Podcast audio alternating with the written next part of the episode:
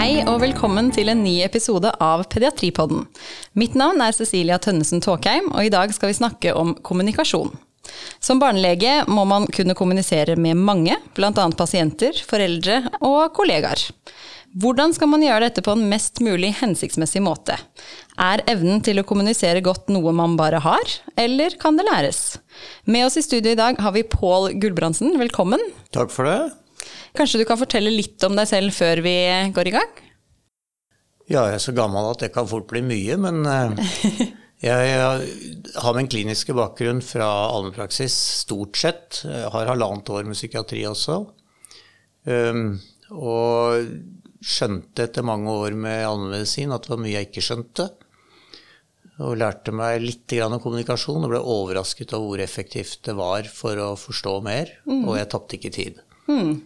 Og det var i grunnen starten. Eh, og så begynte jeg å forske på hvordan allmennlegene visste om pasientene sine. Om de visste så mye som de sa de visste. Ja. Og så ledet det til mer og mer til eh, hvor effektivt kommunikasjon kan være. Ja. ja. Så det var sånn det begynte. Og nå, den siste tiden så har du da jobbet hovedsakelig med kommunikasjon og opplæring av helsepersonell? Ja, de siste 15 årene så har jeg forsket på kommunikasjon og mm. drevet kurs. Ja. ja. Da har jeg jo fått med meg at eh, det i hvert fall er eh, et prosjekt som eh, du har holdt på med som, der dere underviser om fire gode vaner. Kan du si litt mer om hva det er for noe? Ja, det kan jeg gjøre. Jeg kan jo begynne med at jeg, jeg, da jeg begynte med dette, da så jeg, hadde jeg begynt på Ahus som helsetjenesteforsker. Mm. Selv om jeg var interessert i kommunikasjon, så var det nå det jeg var. Og så leste jeg en artikkel fra USA om fire gode vaner, eller four habits som det litt kortere heter der. Og ble veldig fascinert av, eh, av eh, den didaktiske modellen, altså måten de tenkte pedagogikk på. Og så var den designet for amerikanske spesialister som hadde veldig dårlig tid. Mm. Og da tenkte jeg at hvis jeg skal ta med meg noe av kunnskapen min og tankegangen min fra primærhelsetjenesten inn og hjelpe sykehusleger til å kommunisere bedre, så må jeg ta noe som kommer fra spesialisthelsetjeneste, og som er uh, effektivt på tid. Mm. Uh, og de fire gode vanene er da Den hadde de brukt 15 år der borte i Kaiser Permanente, som det heter, dette sykehussystemet i California. De har brukt 15 år på å utvikle det. Og, og, og kommet fram til at man kunne liksom dele det man må lære i fire biter. Mm. Det er selvfølgelig flere, men det er lett å huske. Og det ene er hvordan du starter konsultasjonen, ja. rett og slett. Det er den første. Og det andre er at du må få frem pasientens perspektiv. Mm. Og det tredje er at du må ikke glemme empati. Det er fort å gjøre. Og det fjerde, det som tar lengst tid, det er hvor liksom, hvordan gjør du det når du skal oppsummere, gi folk informasjon sånn at de kan bruke den, og mestre situasjonen bedre. Mm. Ta de med på beslutninger og sørge for at ting er klart når du er ferdig. Ja. Så det det, det er, biten. Og jeg kunne jo si mye om hver del. Eh, men hensikten er altså å skape trygghet, ikke tape tid, eh, og treffe riktige diagnoser så ofte som mulig, eh, og forklare folk hva som trengs å gjøres på en måte som de kan være med på. Mm. Er det sånn at du kunne sagt liksom litt mer om hver av dem for å gi litt sånn tips til eh, hver ting? Den første biten, den eh, er jo egentlig bare hvordan man skal eh, sørge for at det blir en god og trygg situasjon for pasienten. Og det er jo da at man faktisk hilser ordentlig, at man merker seg pasientens navn og gjerne gjentar det, så pasienten føler seg trygg på at legen vet hvem de snakker med. Mm. Eh, gjerne, hvis folk er anspente, huske på at det fins småpratmåter å snakke om andre ting enn akkurat medisin på. Mm. Eh, og så er det å få oversikt over hva pasienten har på hjertet. Det kan jo være fort å glemme i en norsk poliklinikkpraksis, hvor ofte pasienter er henvist med en eller annen problemstilling. Da har man lett for å bare måke rett på den. Eh, Men folk har ofte tenkt på mye annet rart når de kommer til sykehus, så det kan være lurt å i hvert fall vite hva de har tenkt. Så skal man heller skjære bort det som er irrelevant, og da slutter pasienten å bruke krefter på å tenke på at det må jeg ikke glemme å si. Ja. Da kan du fokusere på det som er viktigst. Mm. Og så bare kort avtale med pasienten. Vi snakker om det, for det er jo det du er her for, og det er det jeg kan noe om. Mens det du tenkte på med f.eks. blodtrykket eller det utslettet, det har nok ikke noe med det å gjøre, så det får du ta med fastlegen. f.eks. Og så sjekke om pasienten er enig med det. da. Og det er jo sånne ting som hvis man ikke tar det opp i starten, så kan det fort komme akkurat når de er på vei ut døra, er i hvert fall min erfaring. Ja, det er jo Det kalles jo for dørhåndtakssyndromet. Og det er kjent. Du disponerer tiden din ut fra det du trodde at du og pasienten skulle snakke om. Og så er det så viktig for pasienten at på vei ut døra så stopper de, og så sier de noe, og så finner Oi, det kan jeg ikke slippe de ut døra med. Og så begynner forsinkelsene å komme på. Og det var, det var første, første vanen. Kan du si litt mer om de andre òg? Ja, den andre vanen er den vi er dårligst på. Og den, det der å få fram pasientperspektivet, det skal være en helt integrert del av en vanlig anamnese. Og i den så skal man da finne ut eh, hva pasienten tenker at det kan være. Eh, fordi folk har all verdens forestillinger. Og min erfaring fra praksis var jo at de hadde til dels veldig gode forestillinger som jeg ikke hadde tenkt på. Så det var noe å hente på det. Eh, og det andre er å få fram hva de Det er ikke alltid like relevant, men ofte hva de håper å oppnå. Fordi pasienter kan ha veldig urealistiske forestillinger om hva man kan gjøre, men de kan også ha altfor lave forventninger. Så det er noe å finne ut hvor de er. Og det siste, som er kanskje mitt hjertebarn fremfor alt, eh, det er jo at vi skjønner at pasienten er ikke en kropp der og da, nå, med en syke og noe sosialt rundt seg. Pasienten er innvevd i verden på en måte. Så pasienten kommer der med eh, en relasjon til hvordan det går i livet. Livet kan påvirke tilstanden, og tilstanden kan påvirke livet. Og det er sentralt å forstå det. Og tenker du at den myten, er det mest for å møte pasienten på en god måte for pasientens skyld, eller er det også fordi det vil hjelpe eh, legen i, altså i diagnostikk? Ja, nei, for, eh, for meg er det desidert det siste. Okay, det er ja. for å drive god medisin. Og da må du rett og slett skjønne For det første så er det veldig mange ting vi ikke skjønner så lett. Altså, det er jo ikke så enkelt. Det er er ikke alle som kommer inn døra som du kan bare plassere på ei side i læreboka. Så ved å se pasienten i, i sin sammenheng, så får du flere nøkler til eh, hva det er som foregår. Og da blir det også lettere å tenke ut hvordan skal vi best angripe dette, hvordan kan vi best løse dette. Ikke minst viktig, selvsagt, når det kan dreie seg om et samspill mellom barn og foreldre og søsken. Og den tredje gode vanen, hva den går den ut på? Ja, den er jo mange som kaller det for soft skills, og det tar altfor mye tid, dette med empati. Og mens de andre vanene, én og to og fire, kommer i en slags sekvens. Først den starten, og så sykehistorie, pasientperspektiv, og så forklaringer. Så er empati noe som bare må være der. Eh, og det sa de amerikanerne at grunnen til at de måtte ha med det, det var fordi at de så at legene ikke viste det så mye. Ja. Og det der har fascinert meg veldig. Fordi det sies jo også, er dokumentert, at eh, medisinstudenter tilsynelatende blir mindre empatiske i løpet av studiet. Men jeg tror faktisk at det er en feilvurdering. Eh, Jeg tror det er noe annet som skjer. Eh, Jeg tror at i løpet av medisinstudiet og de tidlige legeårene så har vi det som kalles for en sånn kognitiv overbelastning. Okay. Vi har så vanvittig mye biomedisinsk kunnskap som er plassert i bokhyller i huet vårt. Eh, Og hvis ikke pasientene passer rett inn i en av de bokhyllene vi føler oss trygge i, og det er jo ofte, så begynner vi å arbeide veldig eh, kognitivt, tankemessig, med å skjønne dette, det biomedisinske delen.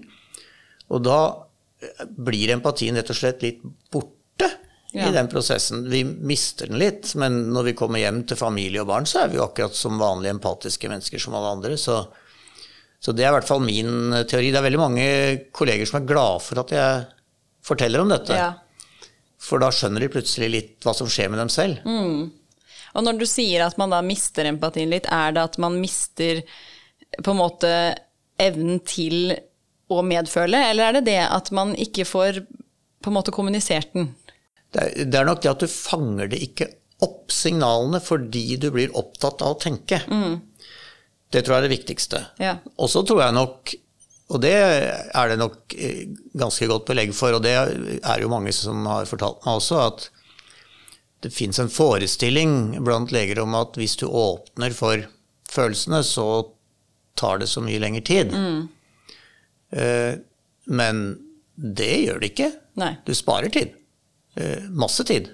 For det er ikke sånn at du skal gå Det er jo ikke sånn at enhver lege, uansett hvilken spesialitet, skal grave dypt inn og forstå til den innerste marg hva det er som foregår.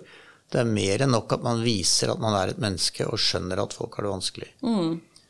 Og jeg var veldig nysgjerrig på det da jeg var i allmennpraksis, og litt i hemmelighet så tok jeg tida på hvor lenge folk gråt. Bare for å se hvor lenge gråter de egentlig. Ja. For folk sier jo at da går jo hele dagen til spille.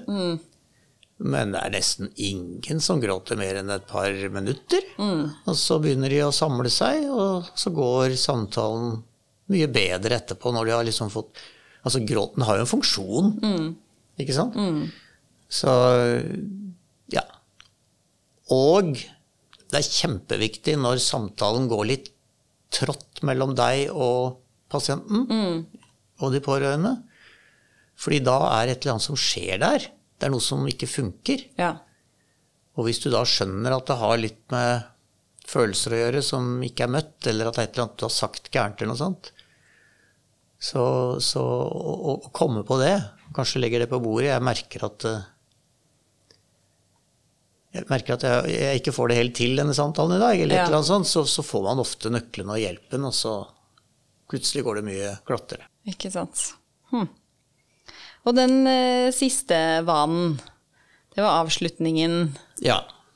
Det er jo den vi forsker mest på nå, for den, den er litt for lite forsket på. Det er veldig mye forsket på empati. Ja. Eh, Men det er jo da dette med å gi informasjon og, og diskutere med, med pasientene behandling og slikt. Og, og vi ser at det, der sliter vi med måten vi gjør det på. Eh, Det har jo blitt veldig viktig å gi informasjon. Vi er veldig klar over hvor viktig det er. Og det står jo i lovverket. Så vi føler oss veldig forpliktet også. Men så er vi fryktelig utdanna folk. Så vi kan ha en tendens til å ta feil av god informasjon og mye informasjon. Ja. Det er ikke det samme. Nei. Så det er det å finne den rette mengden informasjon, og det klarer du ikke hvis ikke du har gjort pasientperspektivet ordentlig først, så du vet hvor folk er, hva de tenker, hva de forstår. For da kan du bruke det som utgangspunkt for å gi folk ny informasjon, så de kan bygge på et reisverk som er der fra før, eller du kan ta bort det reisverket først og, og si at vi må begynne et annet sted. Dette tar tid. Ja. Og det jeg pleier å si på kursene, er at samme hvor mye eller hvor lite tid du har eh, satt av, da, så beregn minst 50% av tiden til den delen. Ok. Ja. Det gjør vi ikke, vet du. Eh, og det er jo vanlig at vi kommer med litt fyldige små miniforelesninger. Hvor vi tar med ofte en del viktige detaljer som er viktige for oss. Størrelsen på en svulst, eller hva det måtte være. Ja. Men som egentlig ikke er relevant eller noe særlig viktig å vite for pasienten. Og Altså, Hvordan skal man da vite hva man skal ta med? Altså, Du nevnte jo noe med at man får et innblikk i det hvis man uh, gjør det nummer to godt. Ja, man, Når man gjør nummer to, så vet man i hvert fall omtrent hvor pasienten er. Mm. Og så tenker jeg at uh, før du begynner på å gi informasjon, så tenk Antagelig trenger du bare tre sekunder. Men tenk på spørsmålet hva må denne pasienten vite nå? Ja. Og ikke gi dem hele psykisk, altså patologien. Mm. Hva må de vite nå mm. for at de skal kunne håndtere denne situasjonen best mulig etterpå, eller til neste gang vi ses, f.eks. Mm. Det er det ene. Og når du har gjort det, så er det å begynne. Og så er det å, å ta én setning av gangen. Og så bare stoppe opp et lite øyeblikk. Ikke så mye. Det holder kanskje med et sekund. Men se på folk, sånn at du ser er de med. Så ta én setning til. Mm. Det ser jeg lite av mm. på videoene fordi vi har denne følelsen av dårlig tid. Og vi har jo det, for vi har ikke satt av 50% av tiden. Nei, det er det. Dette. Men man taper ikke så mye tid på det. Mm. Og det fine med det, da, det var en som sa til meg ja, men hvis jeg gjør det, så begynner pasienten å spørre. Ja, sa jeg. Så bra. Mm.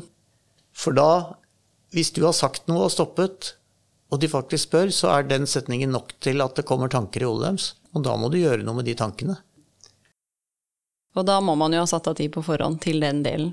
Ja, for og gjør du det ikke, så, så kan du si på at det første du sa, og så sier du flere ting etterpå, så har de glemt det spørsmålet. Mm. Som kanskje var viktig for at de skulle klare å følge resten av resonnementet ditt. Mm. Altså, nå har vi jo snakket litt om, eh, om, eh, dette prosjektet, og det er jo kommunikasjon generelt. Og så er det jo akkurat i pediatripodden så er det jo eh, barnemedisin vi har mest fokus på. Og både vi som driver det og de som hører på er hovedsakelig helsepersonell som jobber med barn. Hva tenker du liksom blir annerledes for oss, eller hva må vi tenke ekstra mye på? Ja, det som jo selvfølgelig er annerledes, er at i de aller fleste tilfellene så må dere forholde dere til mer enn ett menneske. Mm. Det skjer jo i og for seg ganske ofte i voksenbehandlingen også, at det er med pårørende. Men, men det, er, det, er, utfordring nummer én. Mm. Og det andre er jo at eh, barnets eh, alder og modningsgrad spiller selvfølgelig inn på hvordan du skal legge an samtalen. Mm. Fordi Eh, de forstår mye tidlig, og i hvert fall så forstår de emosjonelle signaler tidlig. Ja. Så det er jo mye å, å tenke på. Og så er det noe som vi har lett for å ta for gitt, men som jeg ikke syns vi skal ta for gitt. Og det ligger egentlig litt i den vane to-biten med mm. pasientens situasjon. Vi tar for gitt eh, at relasjonene mellom foreldre og barn er, er sterke og gode. Ja. Eh, jeg tror som en hovedregel at vi kan ta for gitt at de er sterke, mm. men jeg tror ikke vi kan ta for gitt at de er gode. Mm. Og, og, det tror jeg det gjør at man skal nærme seg og følge veldig med på hva som skjer mellom barnet og foreldrene. Mm så er det jo dette med å skulle undersøke barnet også. Altså I tillegg til å skulle prate og kartlegge, så skal man undersøke. Og har du noe eh, tips til liksom hvordan man kan få en sånn tillitsrelasjon til barnet, sånn at den lar seg undersøke? Ja, jeg har det. Eh, og så skal jeg ville innrømme at det er tips som jeg liksom lærte meg selv gjennom min praksis, mer enn jeg har lest meg til senere. Mm. Eh, men det funka da, mm. stort sett. Eh, for det første, jeg er sånn veldig sånn ja, liker Jeg blir veldig livatt med en gang jeg ser barn. Ja. Sånn at jeg måtte lære meg å være roligere og se an de forskjellige barna. Mm. Hvis de spiller opp, så kan man spille med, men ikke liksom komme blid og sånn supersmil og superpositiv inn og ta for gitt at det funker godt. Mm. Så litt mer avventende, men vennlig. Mm. Uh, og så ser man veldig fort Det er jo, det er jo fordelen med barn, da. I større grad enn voksne. De forstiller seg jo ikke så mye. Nei. Så det er ganske lett å lese dem. Men stille deg litt inn på hvor de er, og kan jo til og med prøve å altså, hilse først på dem og, og se hvordan det går. Det hender jo at ikke det går så bra, men det er bedre å begynne med dem. Da er de viktige. Eller spørre barnet skal jeg snakke med deg først, skal jeg hilse på deg først, eller skal jeg hilse på pappa først? Ikke sant? Så du gir dem en sjanse til å påvirke samtalen med en gang. Det er jo mye, det har jo lett for å bli eh, sånn at man snakker mye med foreldrene. Og det kan jeg bare si motsatt enden av skalaen. Det kommer litt gamle, skjøre folk med pårørende, enten det er døtre eller ektefeller hva det er, så har man også lett for å ende med å snakke med den pårørende. Ja. Og det er i utgangspunktet veldig uheldig, hvis man kan unngå det. Så, og hvis foreldrene er klare for det, så kan man si at det er veldig fint for meg først å få høre litt med, med Joakim hvordan det står til. Eh, og så, snak, så snakker jeg med deg etter hvert, så får du hjelpe meg litt, og hjelpe han litt med å fortelle om det. Så du viser at du har en plan, sånn at ikke når du begynner å snakke med barnet, så kaster foreldrene seg inn med en gang. ja. Så det er jo noen ting, da. Og akkurat når det gjelder undersøkelse, som du nevnte, så ja, Så jeg syns nesten, med noen få unntak, at det gikk veldig bra. Ja. Jeg viste dem ofte og otoskopet. Viste dem Se en rar lommelykt, ikke sant? Og så lyse på hånda og sånt. Og det, jeg har ikke, har ikke truffet et eneste barn jeg, som ikke har tålt det. Nei. Og så syns jo de det er litt morsomt. Så kanskje får de holde litt i det og sånn. Og så lyser du litt på andre rare steder, og så til slutt kan du lyse i øret. Så den type tilnærminger. Og der var du jo litt inne på, du nevnte jo det å kalle otoskopet for en rar lommelykt. For har du noen tips sånn angående nettopp det med ordvalg, altså når man har med barn å gjøre, om, om det er eh, hvordan man bør eller ikke bør ordlegge seg som lege? Jeg er veldig, veldig språkbevisst, må jeg si. Jeg prøver alltid å bruke de enkleste ord på alt. Og selv til en voksen pasient så, så kunne jeg, vil jeg si ja, jeg tror kanskje dette har noe med gallen å gjøre. Hva vet du egentlig om gallen? Selv om man tenker at det kan jo alle. Men det kan være nyttig å vite hva folk har for ideer. Så, så jeg bruker nok ikke mye fremmedord. Men det er ikke så farlig om man bommer og kommer med fremmedord. Da må man bare oppdage det, og så må man si 'å, det var, det var jo et rart ord'. Og så heller si noe annet. Nå så jeg akkurat uh, i går, når jeg var ute og underviste med studenter, at det var noen som sa ja, jeg må ta noen hjertemarkører av deg, sa til en voksen pasient. Hjertemarkør? Ja, hva er det for noe? Ikke sant? Uh, man tenker ikke over det, for man blir så vant til uh, ordene. Men det er jo ting man, som man ikke kan si også, men det har ikke bare med barn å gjøre, det har like mye med foreldrene å gjøre. Som jeg vet at mange har uheldig erfaring med, og det, det skjønner jeg godt. Og det er eh, hvis man har et barn som foreldrene er bekymret for, men man finner egentlig ikke, man kan ikke helt forklare hva det er, og man er egentlig ikke bekymret som lege, men man kan ikke helt forklare akkurat hvorfor symptomene er som de er. Og så si at ja, det feiler ikke barnet ditt noen ting. Så det, det vil jeg nesten si er en kardinalfeil i kommunikasjon. Ja. For da gir du folk en veldig følelse av at eh, ja, faktisk at de er dumme som har kommet. Så da er det mye bedre å si noe i retning av at eh, sånn som det ser ut nå, så kan jeg ikke helt forstå eller forklare disse symptomene. Jeg er trygg på at det ikke er noe farlig. Eh, Men jeg tror nesten at vi, vi må se litt på hvordan dette skal gå, og så kan du ringe til meg eller snakke med meg, så tar vi kontakt litt senere og så ser vi hvordan det går. Kanskje må du komme tilbake og bli litt mer kjent. Så kanskje vi forstår mer. Noe i den retning. For det er noe annet enn å si at det feiler ingenting. Ja. Når man eh, da har barn på legekontoret, og man som lege ønsker å kartlegge bekymringene til foreldrene, da, for ofte så kan jo de ha tenkt en del ting eh, som det kan være fint å vite noe om, Men eh, så sitter jo barnet der, og det er jo ikke sikkert foreldrene har sagt den bekymringen til barnet sitt.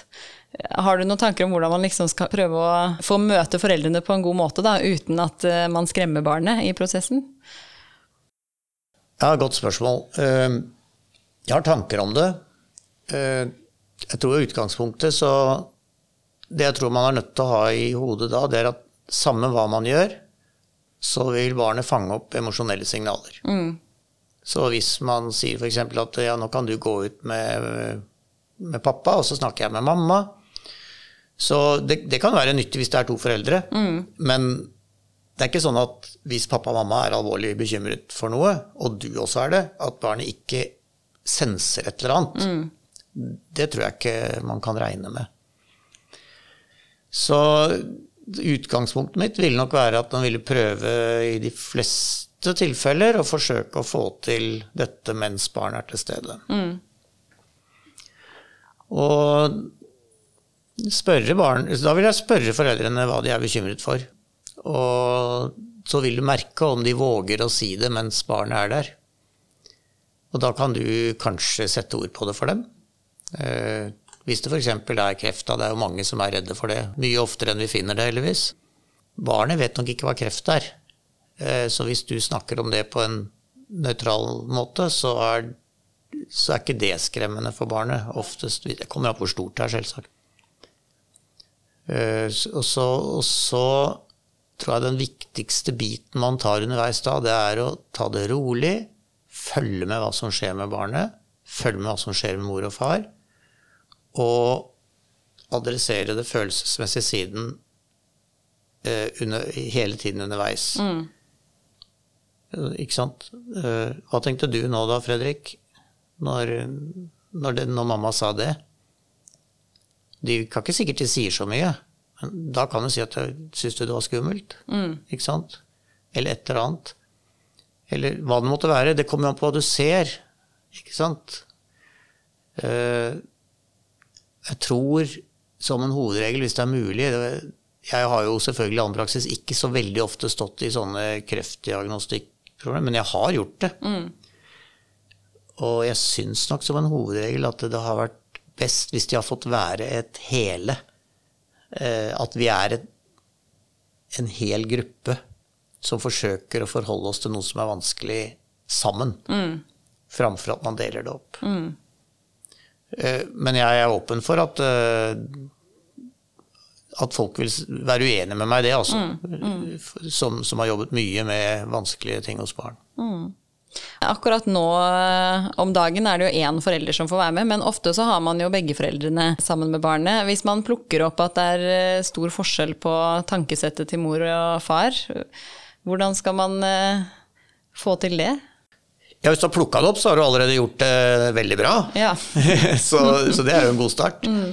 Eh, for det er jo Det kan jo ofte være skjult. Mm. Eh, men hvis det er så Hvis det kommer opp til overflaten, så vil du jo fort merke hvor ladet det er. Ja. Og da ville nok jeg eh, særlig lagt vekt på eh, ros og nysgjerrighet. Mm -hmm. Så jeg ville sagt at jeg, jeg har, har, en opplevelse av at dere kan være litt uenige om dette her. Det er spennende.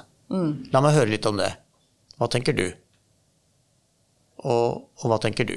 Så gi folk Hvordan er det for dere å være uenige om dette? Så få dem til å sette litt ord på det. Fordi det kan godt være at du er helt enig med far eller mor. Det er veldig dumt å ta den plassen med en gang. Fordi når de får sjanse til å si noe om det, så vet du bedre hvordan du skal anlegge din forklaring sånn at du kan ivareta begge synspunkter. Mm. Så, så, her er det helt sentralt at du ordentlig skjønner hvordan begge tenker. Mm. I eh, helsevesenet generelt i dag så er det jo stort fokus på dette med samvalg. Og det kan jo være komplisert nok når du eh, har én pasient å forholde deg til, men der igjen har vi jo her både pasient og pårørende. Hvordan tenker du at man i praksis kan få til samvalg når man både har barnet og foreldrene å forholde seg til? Ja, det handler jo Nå er vi inne på noe av det vanskeligste med kommunikasjon i det hele tatt. Mm. Hvordan man får til et reelt samvalg. eh, på en måte som er godt eh, for eh, pasient og pårørende. Ja. Eh, hvor de er reelt involvert og har innflytelse. Samtidig som du ikke eh, skal gi fra deg ansvaret for at den beslutningen som man kommer til, er eh, faglig eh, forsvarlig. Det kan jo være mange ønsker om altfor mye utredninger eller, eller altfor lettvinte holdninger til vanskelige ting. ikke sant? Så det kan være alt mulig. Eh, og så tror jeg det er også noe med å, å tenke på barnets alder. Fordi eh, et barn er ikke prinsipielt autonomt. Sånn at det er, hvis det skal fattes en beslutning, så skal jo utgangspunktet den gjøres i samråd med foreldrene. Men så vet vi godt at eh, fra 12 års så endrer spillet seg noe. Og fra 16 oppover gjør det jo det i aller høyeste grad. Så, så det jeg har vært litt opptatt av, er at eh, vi skal når, vi innleder en sånn diskusjon hvor det er snakk om å velge mellom alternativer, så må vi for det første ikke gjøre det hvis det ikke fins noen reelle alternativer. Nei. Altså Vi må ikke gjøre det bare fordi det står i loven at sånn skal det være. Det, vi, det må være reelt. Og øh, hvis det er det, så, så er det noe med å få tydelig hva alternativene er. Sånn at både foreldrene forstår det, og eventuelt barna avhengig av alder. Og, og så er det, som jeg nevnte, det er jeg litt opptatt av, at, at foreldrene skal ikke føle at de får et ansvar for veldig vanskelige valg. Eh, så man må være veldig tydelig på at eh, hvis vi tar denne diskusjonen for at dere skal forstå fordeler og ulemper ved de alternativene vi har, men vi tar det ikke for at vi skal slippe å ta avgjørelser. Nei. Det tror jeg er veldig viktig. Så at du hele tiden skaper en trygghet for at man ikke kaster ansvaret fra seg. Det vet jeg mange pasienter og foreldre syns har vært vanskelig. Så, men barnet, da. Så jeg mener jo som en hovedregel det at eh, barn skal kunne få alternativer når de faktisk er reelle. mm. og, barn, og man tenker at dette er det det samme hva barnet mener om. Hvis barnet velger A, så er det greit for oss alle. Men man skal ikke gjøre det som et sånt overordnet prinsipp. Det syns jeg ikke. Nei. I jobben vår så er det jo ikke bare pasienter og pårørende vi snakker med heller. Vi snakker jo en god del med hverandre. Eh, har du noen tips på hvordan man kan få en god kommunikasjon mellom kollegaer? Ja, det tror jeg Det gjør vi jo nå, jobber vi jo med nå, for nå har vi jo med utgangspunkt i den kunnskapen vi har om kommunikasjon med pasienter, men også med utgangspunkt i det vi vet om pedagogikk og veiledning og supervisjon. Så prøver jo nå i spesialistutdanningen å lage kurs i eh, hvordan vi skal hjelpe de unge lissene til å, å bli så fort som mulig eh, trygge og gode i jobben. Da er heldigvis sånn at grunnprinsippene i kommunikasjon er de samme. Samme hvem du snakker med.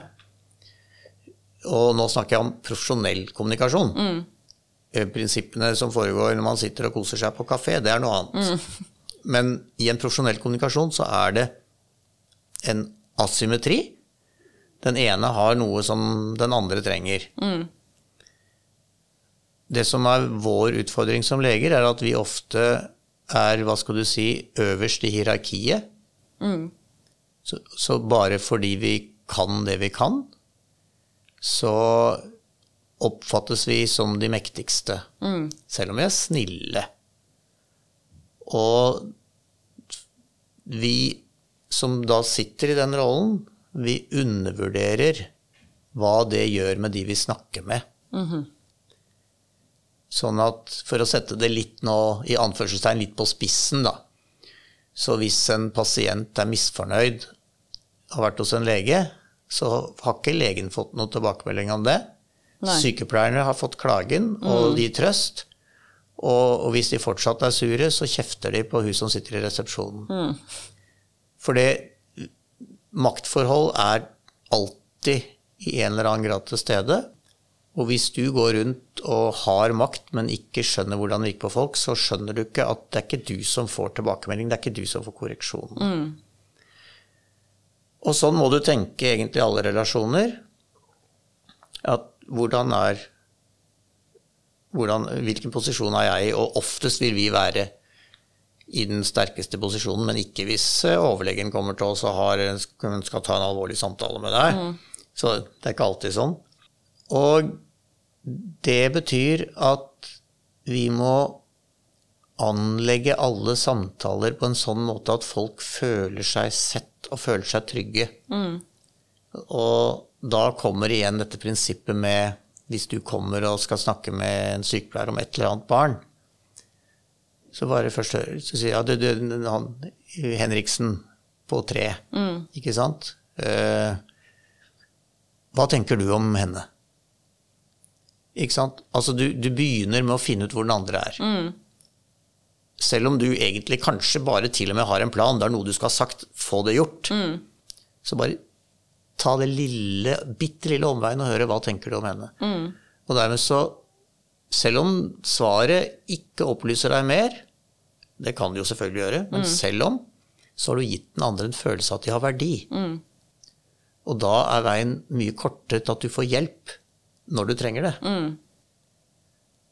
Så i det veiledningsprogrammet vårt så, så har vi laga en sånn derre huskeregel for å bli gode til å hjelpe hverandre til å bli bedre.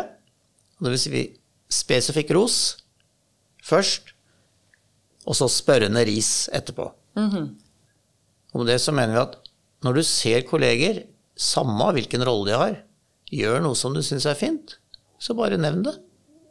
Måten du takla den mammaen på, det var så fint. Du bør ikke gjøre så mye mer enn det. Så oi, jeg er sett. Ikke sant? Og en annen gang ser du kanskje noe annet. Og så ser du ting med den personen som du gjerne skulle ønske var litt annerledes. Men hvis ikke det er kritisk å få gjort det med en gang, så gi dem først en følelse av at du har sett dem for det de gjør bra. Og så kan du si du, jeg har tenkt litt på når jeg har sett når du, måten du dekker opp på i forbindelse med at du skal gjøre det og det. Det er litt uvanlig i forhold til det jeg ser de andre gjør. Så er, hvorfor gjør du det på den måten? Du ønsker å få til en forandring, men du gir den andre en sjanse til å si noe om hvorfor de gjør tingene på sin måte. Og da er det lettere å korrigere på en måte som, som fungerer godt. Mm. Istedenfor bare å si du kan ikke dekke opp på den måten der. Du må gjøre sånn. Den som er i den underdanige posisjonen da, vil kjenne det i hele kroppen. Nå nevnte du jo at underdanig posisjon Ofte så er det jo kanskje de som eh, har vært der lenger, da, eller har mer erfaring, som da vil ønske å korrigere. Men hvis det er motsatt, hvis, eh, hvis man er ganske ny selv og ser noen som har vært der i mange år, gjør noe som man tenker kanskje ikke er helt eh, heldig, hvordan kan man gå fram da? Ja, det er jo vanlig det, fordi medisin utvikler seg hele tiden. Nei, jeg vil jo igjen jeg ville brukt samme overordnede taktikk. Fordi folk som er erfarne, også gjør bra ting. Så du kan si 'oi, det var artig å se det du gjorde der'. Men så ville jeg jo sagt at eh, jeg lurer på hvorfor du gjør sånn. For da jeg var på studiet, så, så lærte vi nå at det skulle være sånn og sånn. Ja. Og så hører du da hva de sier. Ja. Den situasjonen var jeg selv i, faktisk. Det var i en sånn til og med en litt personlig krevende situasjon. Så, og da hadde ingen lært meg noe hvordan jeg skulle gjøre det. Så ja, det gikk jo bra, men det, det ble ikke helt vellykket. Som lege så kan man jo komme borti en del vanskelige situasjoner også på jobb, altså med triste, triste skjebner eller vanskelige situasjoner. Eh, hvordan kan man støtte hverandre på en god måte? Ja, det er kjempefint at du tar opp det, fordi jeg tror i helsetjenesten så Vi er jo, vi er jo alle gira på at pasienter er sårbare, ikke sant? Eh, og en av de tingene som jeg også tar opp på kommunikasjonskursene våre, det er spørsmålet ikke bare om hvem som har makten, for det er noen pårørende som får makt over oss i måten de oppfører seg på, mm. eller hvem de er. Men også spørsmålet om hvem som er mest sårbar. Mm. Så jeg prøver å gjøre oss kolleger oppmerksom på at vi alle på en eller annen måte er sårbar. Mm. En eller annen kollega eller en eller annen pasient eller pårørende sier ting som vi rett og slett ikke glemmer. Så vondt gjorde det, selv om vi klarte å holde maska der og da. Mm.